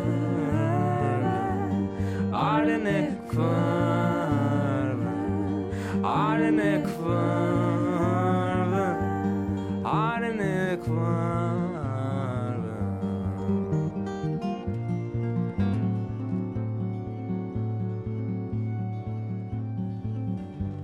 Så byrja vi etter sista parsta morgosendisjene og heva vere vi lei 400 saman vi Len Hansen og Gori Hansdøtter kongeår. Så la oss eide båtjen her nødtje kongren, frurikker tann tutsjende, vi eknon åren forteller om tankar og holaingar om kongeåret. Og kongeåret, det er setninger som skal lysa ut fra hver en grundaleie frurikker konger, atlas er at vera konger. Og av danskån så er kongeåret forbundne forpliktet for kongeriget Danmark. Og hvis vi ikke har hørt størvis om bøtjene her i førjen, ja, så forteller jeg søletølene fra flere bokhandler og noe helt annet. Og hun for bøtjene her vil sere store bøkene blir utselt der nesten alt for ett, og flere bokhandler har haft lister her folk har skrevet seg også, så jeg kunne trykke seg et antag av bøtjene ta hun kom atter til landet. Men hva er dette for en bok, og hva er endamålet vi slukar bok? Derfor jeg vi da prate om nå, Marna Jakobsen, bokmentarfrøynger og Eiler Fakraklett, serkønner i samskiftet og marsnarførslo. Velkommen i morgensentisjene. Takk for det. Takk for det. Her begynner vi helt stort. Hvordan vil jeg til Luisa hese bortsene? Øyelig anfølt. Og ikke noe som, hvordan sier jeg, kommer jeg minne selv jeg vel, altså. Det, det er alltid ikke. Hva sier du, eller? Ja, altså, sånn stått, ja, stått, og Jag hade snubb alltså man får lite personligt inlit och kanske men inte inte man vill helt köpt. Och så vill sagt att det är grundläge under under branden och kung Fredrik och så det sagt att uh, Lashlo strategi hemma ofta kan kalla mission mission och vision. Det kan förska fyra tycker allt det man har det. Och det vill sagt heter vansara mission mission och viser.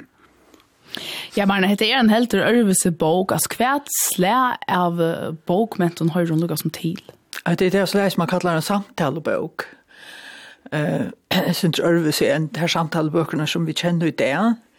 Det i det er det ofte man man tåsar vi uh, kjent folk og spyr om tæra lov. og så tar seg man folk om at bli gomål, eller vera kvinna, et eller annet vegetarer, eller hva det kan være. Men det er, det er gammalt firebrygte samtaler. Altså man kjente helt at fra grykken, og det er Sokrates tar seg i sina nærmengar så samla i platon til samrunda skjermen og gav där ja jeg vet man gav der ut men altså, vi kjenner det i Øtloføren, så det er ikke det nytt något fyrbrikt. Och tåsar han så vi journalisten Jens Andersen som ikke er hver som helst, han er øyelig kjent med vår og dove vel sitt håndverk, han skriva flere sånne bøker, begge om drottningene og kronprinsen, der han var kronprinser, og andre vi. Og hvis vi skal si noe mer om bøkene, så som bok så er hon eh, skriva, altså hon er öla, hon er öla pen. Hon er lojtel og pen, hon er blå, och han hever ju vel blått blå i akronon. Og hon är väl stått kapitlar, hon er öla kjøtt å lese, jeg har aldri läst henne på en timme, ganska av en annan. Og, og nyast av, av ötlun synon er, vera så kongan reksa er opp, lukka fra gamla til Kristian Tutsch, nei, Frurik Tutschenta, og at er råkne vi at man gjør det på en eller annen måte at vi er kongshuset skal ångsvekna eh rättvisger etla etla argumentera för kontinuitet i i hesa institution i kongshusen och tog jag kongshuset kanske blue mer mer Jeg var ikke løy i en moderne samfunn, til er ikke som fruer og sjølver er inne i å det her vi berattiges av å være kongshus, hvor er det viktig og sånt. Men um, Men annars så må man säga att hvis man tar man tosar en böcker så tosar man ofta och kvar är mottagaren av som boken någon. Och här må man säga att mottagaren är öliga brejor. Alltså han kan inte säga att är tåse är skriver för böten eller är skriver för kvinnor eller är skriver för ett land. Han skriver för ett möbelig folk. Danskare från 0 till 100 och föringar och grönländare. Men allika väl är hon viser hun også et bestemt, en, et bestemt hole. Så hvis man husker om at um, i Danmark er øyla nek folk som kors var eldre av er av øren etnisk og opprona, tenker man slett på tal og især bøtjen er. Og et av treet som har bruker øyne nek innhjaslige er at han tar seg øyne om god og kristendom, hvor så viktig det er, og at, at Danmark bytter og at det er kristne virene. Så han, han må vekna. bruka det her. Kongshus er jo en pastor av okkara protestantsko trygg, va? Så uh, det er, bortsett fra tog, hvis jeg skal gjøre det lio, så halte jeg at, at han sjalt uh, eh sjálvor kemur av vera så tror jag att han, han är han är sympatisk kommer Lukas som fram som øyla sympatisk med vår halt ja. Men i halt han hur så jävla nek på hjärta till mig att säga.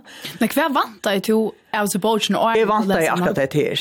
Ja. Alltså du hette är ett hette är så rätt jag kanske slags värjeskriv för fröjekong alltså och därför eller så här kommer Marin Marin och alltså han ska lucka som presentera sig själva som Anna en en som fyrskipar Royal Run och och synkra konserton och sånt. Tog ju att eh, mamma så är ju en helt helt annan typ av öliga intelligent och öliga vitande och och och han kanske har mera värisen här dronkeren som ikke vil akta mammasunna og så forskjellig. Så han må lukka som gjør, gjør en sånn berettigelse. Og så må han lukka som forklara folk eisne hva han mener vi sunne leiår, altså det er forbundet og alt det der. Og her, her kommer han øyne ofte innan Førjar og Grønland, og så i hele tiden Danmark, og, og Røyner greia fra at det er øyla viktig da vi standa saman, han tog seg rutsfellesskapen, så han er et sort anbo i hånden av Mette Fredriksen. Men det er nok stått litt han tåser om til dømes Førjer og Grønland. En av sier han at at han er i Førjen og Grønland, så, så møter jeg en særlig umiddelbar varme og hjertelighet. Og ser akkurat som Da man husker seg att man får i Åland før, at det var så fytte seg innfødt og reale hjertelig og, og du vet, tog og vel og møter opp. Du vet, det er så hørt iverflatest.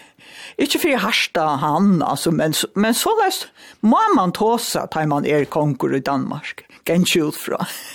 ja, eller hvor gjør vi ikke kongeren enn å sluke bok ut?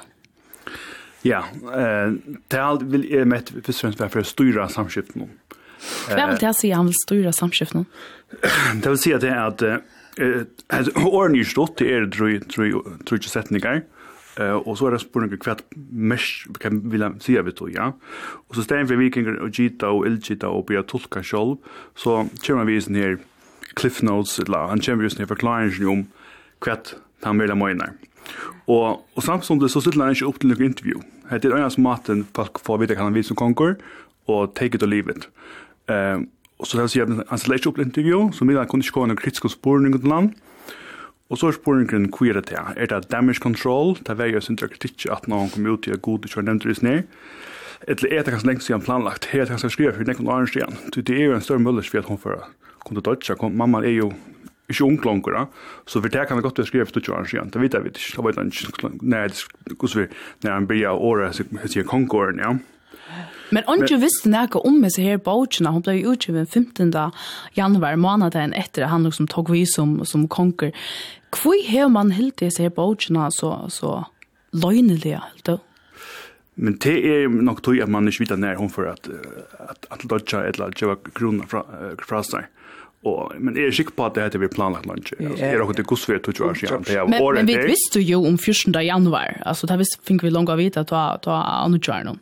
14. januar for han å har vi ut. Men det var ikke for han da måneden at nå at Pomso var en bokar. Ja, og forleg fikk ikke vite at det var en eh, nesten samme del altså, som hun legger trona fra seg. Så man kan se om det er arbeidet kjøtt, og det er arbeidet kjøtt. Men jeg er sikker på at manuskriptet og årene har lengst siden vi året. Mm. Det er ganske fint på så da, nå i januar, eller da, i desember, men Men det er lengst siden vi planlagt, og det er ikke noe i røstkjøs for for kongos til at det er en bøys bøtjum ut. Men eh, men sjón at det fæðis kaðis kuntur til iron at jeg hun under for for annar fyrir hasta bøk ut, det er fyrir man ikke sjá at er en pastar av strategien ja. Og Og en spørning er kanskje som anker oss om at er det kanskje tog at han er ikke så gaur muntlig som han er skriftlig, da, at det er bedre at han vil skrive at han nye, som er alt som ut som han sier, og så får han ikke gjøre noe halvbort så og i en intervju av det er i Lockshort. Så her er det fullkomlig kontroll av samskiften noen, og andre som midlene kan gjøre at det ender gjøre i brøkene, og det er det. Og det er det så, ja, så her er det fullkomlig kontroll av det, ja. Men det som jeg synes alltid er interessant vid sånn her brøkjen er at det er som om man lanserer et nytt produkt, et annet kjøver i vindløvene. Altså det er brand som skal brandast. Og, og det er nok stått til hvordan jeg ting er reelle øns vi en fyrtøk, som det gjør her. At først og fremst skal det ha et navn til at hun ikke har et nytt brand, og det er han jo, Kong Fredrik, den tutsjende. Og skal det ha logo, og det er fer her minst vi en monogrammet. Og skal det ha en brandlit, det er fer her vi kongalit noen, som er kongablått. Og så skal man ha slogan, en kvar fyrtøk eller brand her slogan, og det er så vel ordentlig. Eh, og hva er det slogan til et brandlyfte, til det som en mörre eller brand lova kundan om till brukaren han har fair ta en shape det då. Och då tar han det upp vi får också förklara hetta som jag kan leverera ta dit shape med som konka. Men eh, det som är så intressant är att eh, det är inte bara en branding till att han är i livet för Mostershar och han är baby prinsor och kronprinsor så att han är, det är inte vöra. Men det är en, en slävör, en rebranding vill sagt. Nu ska han färra för kronprins till kong. Och Og en rebrandingen til å si at en annan måte som kunden eller brukaren, kan kalla det, eh, borgaren, skal sutja han på. Ty at han er kanskje ikke alltid vært lykka satt som seriøser og teknalier og kongalier som ånder i familien, som mamman og sånne, som du nevnte Janne, så er det mer vi sport og eh, fester og sånne, eh, som vi kjenner til. Og til den rebrand som nu skal i gang, da, og til alt man ser hans tydelig i bøtjene, og til man ser sørste tøyene, at det er røyne at portionerer en arbeidsene til jeg vil starte. Nu skal han være mer seriøser, nu skal han trekke karakter, og, og knappt lærer ikke av hva i god og trygg, og knappt lærer ikke av i fergen. Eh, det er nok så interessant. det er man ikke ordentlig ser for det syna, og så man fikk ganske mistanke om at det kommer noen reisans fra at det er rådgjøver og embedsfolk som sier at nu skal du konstruere til mitt gjerne. Mm Det är det som liksom för alltså det är inte løgn at han har tatt tagit förhåll till Grönland och är ofta vi flyr från Arje Grönland och här kanske vi är täljande i Grønland. Men i färjan var det en tjej i 20 år, som fyrst og neste nästa för honom og en tre og neste og tre og fyra var det 13 år. Og han har faktisk bare vært trutja fyrir offisielt i fyrjon, men fem fyrir av fyrir skal gjør, eh, har vi ganske fram til. Eh, och det vill säga att han är inte först räsaren av för färgen. Men i spöken är han knappt inte räsaren av. Och färgen nämnt är jag stalt med en tjofärna i lockskör i spöken. Så att man ser tydligt att det är en rebranding som ska till att att han ska lyckas vara bindlig med rutschfällskapet och man från ändlare så ju med fin styrke om sambandet mellan färger och konkurs i Danmark och det det hade nog styrkt att det är malvis bøtjen. Hela bøtjen er, alltså virker det som som det som kommer fram till som han säger det som huxar alltså är det inte ordentlig äkta. Er det ikke den veldig Fredrik vid vid Jo, altså, ekta er det nok. Jeg halte at, at det er ekta, men, men han lever i en arver som er så rævlig fjær fra vanlige folk. Han hever ikke när han följer han nere i arbetarklassen eller i mia staten för allt alltså du vet han känner inte folk ju själv om han är konkor men alltså som jag också säger med han tog ta sig var det här att han han ankesväckna Røyner er greia fra, at han er veldig kjentor uh, i Danmark fyrir ikke kanskje hava så øyla stauran ho av vera konkurs. Og, og i hesar bøtjene kommer han inn og at han, at, og sier at at ta i F fikk man hese her froskmanne utbyggvinsjene som folk er øyelig imponeret i og som sikkert er øyelig å tro på få. Ta, sier han lukka som han vekser, han bonast, og så tar han blivit gifter, og fer bøten, så bonast han enn meir. Og på tammatan vil han og Jesu bøtjene greia falskje fra at det er ikke han ser med hva han sikkert heller ikke er, som tar han kort i kjøta bilar og så det, at det er faktisk bliven vaksen. Så, så det er eisne et endamal i bøtjene for å forklare hvor han er, og at han er en en byggven med vår og klarer til å være konkurs. Men er det så slæg av vergerøv i omkursrekna? På meg virker det som er vergerøv, ja. Du tog seg, du nevnte jo året damage control omkursrekna. Ja, ja, altså... Ja, alltså ta ta första dagen kom ut och det kom ut så det var det en stor fokus på att vi att god och nämnt då. Eh ich störde ich fest det eller åtta konkar som jag nämnt god bild. Så jag det spörsmålet men men men det var på en kritiker och Kristel Dagblag för bara vi gångt vi att att det var förfärligt. Men och så kämpar jag ut den efter och så finner man till att, att han visste väl att det var ränta och och jag vill liksom skriva nya om att att, att det är ju halt så snär och att det heter passmöte förbundet förbundet förbundet. Ja. Eh snurr om förhåll vi har förbundet till god såna ja. Och faktiskt fyller det andra nu. Så det jag väntat det att det får komma som en kritikpunkt så att han är den överste personen i fackatjänsten. Ehm så så men jag alltid att alltså generellt är börsen alltså den är ärlig och autentisk det alltid.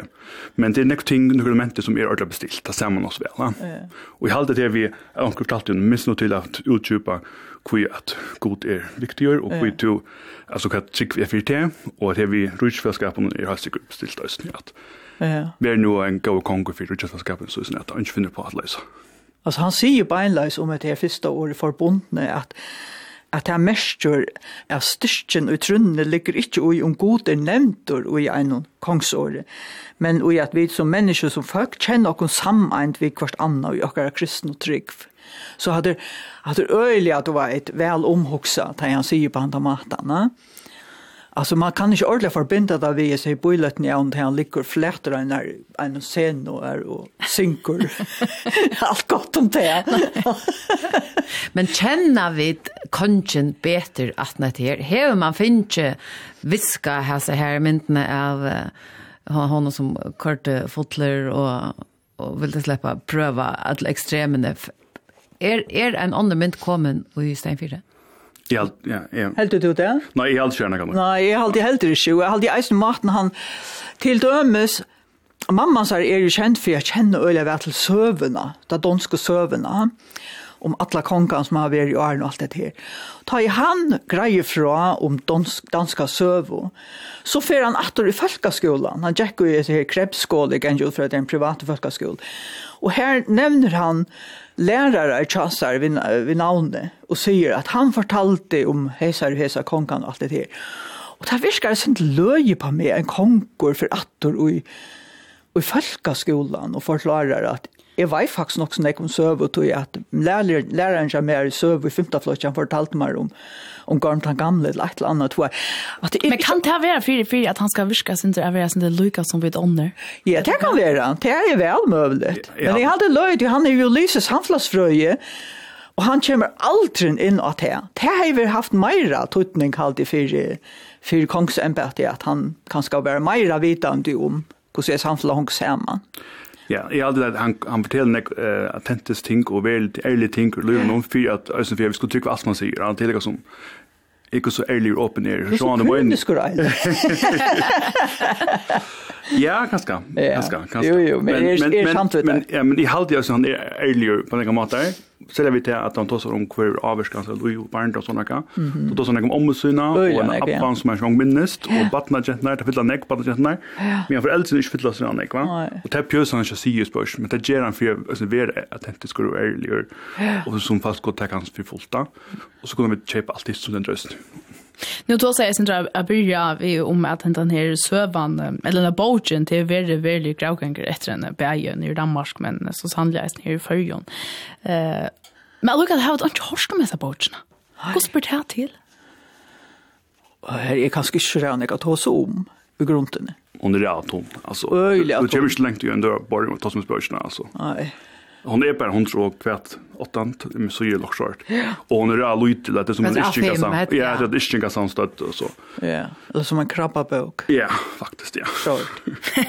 som en krabba bok. ja, ja. Format och och du vet det där tonnar. Men det är helt en biografi och kanske för nästa kan gå hålla till att det är en biografi. Alltså det är en söl en söl alla för ju tala folk om hans där Concord alltså slåkan. Ja. Och det är ett grundläge för hett det som query vill vara Concord framåt. Men men är det her näka som vi känner från örrunda kan man säga så känt om folk som har av starv av så och appelt alltså hur man hur man säger det här för Alltså ofta när man lanserar så får man nämligen ut och göra en rikve intervju om sådana Det är det mest vanliga. Så tar vi oss om om celebrities och börjar sådana kan. Och något speciellt han inte gör det. Alltså är han något speciellt när man får ut via en bok. Det är så där traditionellt mil. Ja. Alltså det är allt TikTok och allt sådana kan. Det är det old school. Att göra en bok istället för att göra samröver vi, och få kritiska spårningar såna kan så är allt det är faktiskt inte så vanligt nej. Men går se går se hur detta ettnast alltså här här var Danmark acceptera att Hette er maten han snackar vi okon. Hette er maten vi får vita kvart han menar. Sakna dig, hur man sen om att det sakna släppa stilla kritiska spårningar? Ja, alltså Mila onkel Mila har sån så fast runt där, men i allt det är effektivt på något att att kritiken döjer där skött. Alltså kritiken som kom om att det de så där goda kör nämnt. Döjer på när vi ner att Ehm så på samma sätt är det effektivt och och det har klarat störst kommunikation. Ja, och danskar älskar kongshuset. Alltså det är vi ju öjliga av större du vet, prosenttallet av danskar som vilja hava monarki til så veldig høgt i Danmark. Og, og for en grøsne, altså, vi står jo 40 prosent til du heter vi akkurat konger, ja, så at man bare vidtjer 5 Ja. Så det vanlig folk halda sikkerhet er ordentlig godt. Hvor fernega bors ur vi at lese seg på utsjene halda dit? De som er gode i kongshuset, de er få nekk bors ur. Det er nok ni vet jo at eh, han viskar öliga fittor og sympatiskor och man fär jag syntor av innlitt inn in i och privat jo. Mm. Alltså han är han forteller forskjellige ting att att han blir färg var vid bötten och kvöld så ho tänker man. Ja det viskar att det är ettla han forteller från omkron, eh omkring där jag vill skärma vid vinfalch och så att det är sunche danska sanger. För Lucas som har fortälja läsaren att är känner den danska sangskatten kanskje synes jeg det er danske sanger som man vil vinne, og det vet jeg ikke. Men det er sånne, sånne fix små, små sjøver inne i midtelen som gjør at han blir en livende person og kjøtt i blodet. Strategien har rikka? Ja, ja, og jeg nå har jeg forstått om hva forstått konga Mali er, eller konga Åren er, men jeg har just det norsk jo, altså det er forbundet for Ja, absolutt, og ikke kan være også sånn vidt det. Nei, og jeg har aldri stått det kommer vel på sjur at forklare hva det mener vi i bøtjene. Så alltså mission accomplished har sig kostat skimt där. Ehm och det vi är vi är förbundna förpliktet till en kvar fyra drömmar om här kontor som är det. Så och han tar sig om tisch han men det är ett som skulle vara till samstund så. Så när färdigt jag så är det trema scenario för ett brand. Ehm så när i helgen kommer kommer vi att prata lite alltså ger det som ska göra. Bogen ger det som ska göra att du är samt med. Ja, det är alltid en ger. Ja. Ja, men Eiler Farraklett og, og Marna Jakobsen, takk for at tid var vi i morgen. Værsgo. Selv takk. The last time we talked, Mr. Smith, you reduced me to tears. I promise you it won't happen again. Do I attract you? Do I repulse you? my queasy smile. Am I too dirty, am I too flirty? Do I like what you like? I could be wholesome, I could be loathsome Guess I'm a little bit shy. Why don't you like me, why don't you like me Without making me try? I try to be like Grace Kelly. Mm, But all her looks were too sad. So I tried a little Freddy. Mm, I've got an entity mind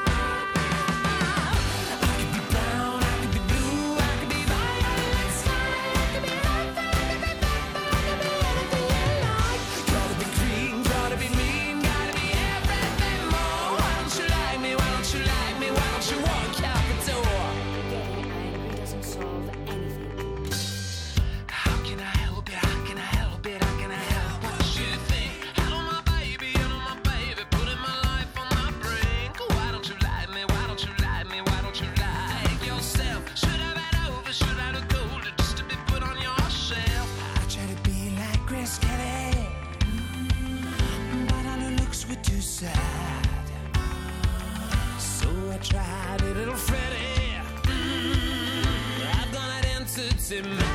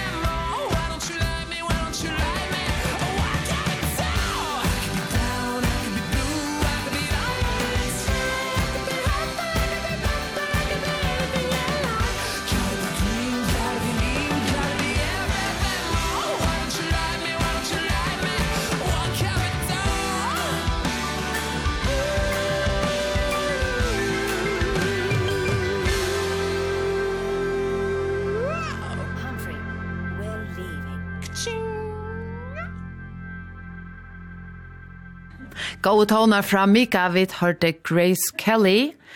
Um, vi færre at spela skurspäs som du har tånlat jag rätt. Jo, det är alltid klockan är bara akkurat fem minutter i vår hållgång tutsche vi. Det var en tutsche måste jag rätt här vi kan spela tånlag. Ja. Så jag har alltid vi färre till The Weeknd.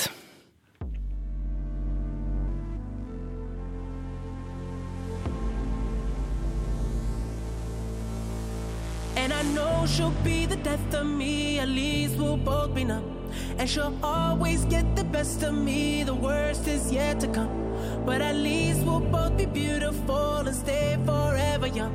This I know. This I know. She told me don't worry about it. She told me don't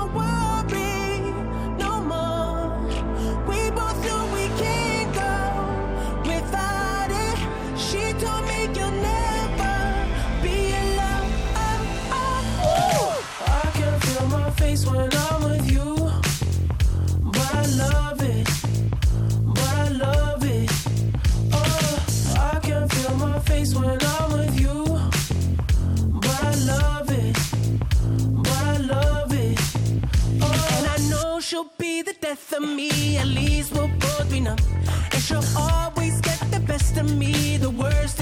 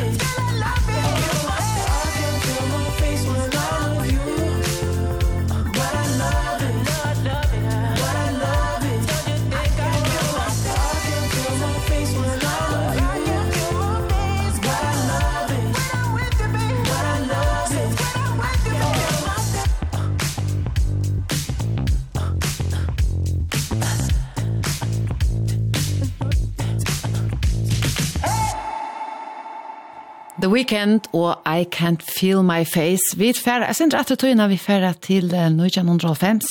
Ta unik Cayman sang I Promised Myself.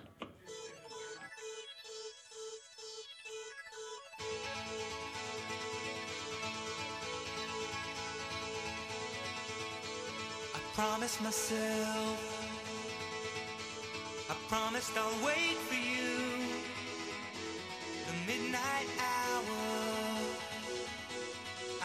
you'll shine on through I promise myself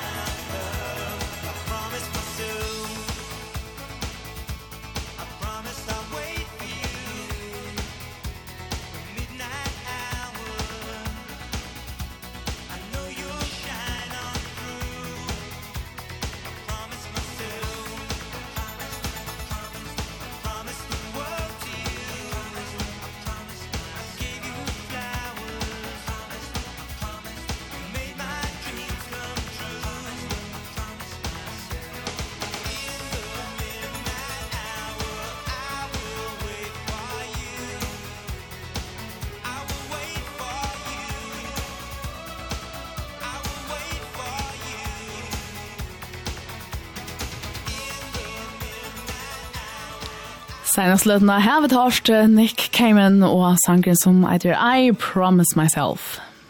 Ja, klokkan er blivet så mykje nå at uh, morgonsendingen er kommet at enda. Jeg vet ikke hvordan det er, Elin, men jeg ja, hun har enda her frutja morgenen. Det er et eller annet vi frutja morgenen. Ikke tog i hun er her kvønn morgen, enten sammen vi her, et eller hinn og prakkfulle falken, og det kan lorstene her ute som er så beina som man sendte okken uh, sms på, så vi ikke kjenner okken så ensamme til en i studiet fyra.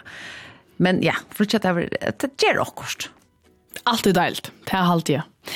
Vi får se, hette var det her. Vi får ikke til å kunne utlåne et godt vikskifte, og Så høres vi datter mandag morgenen.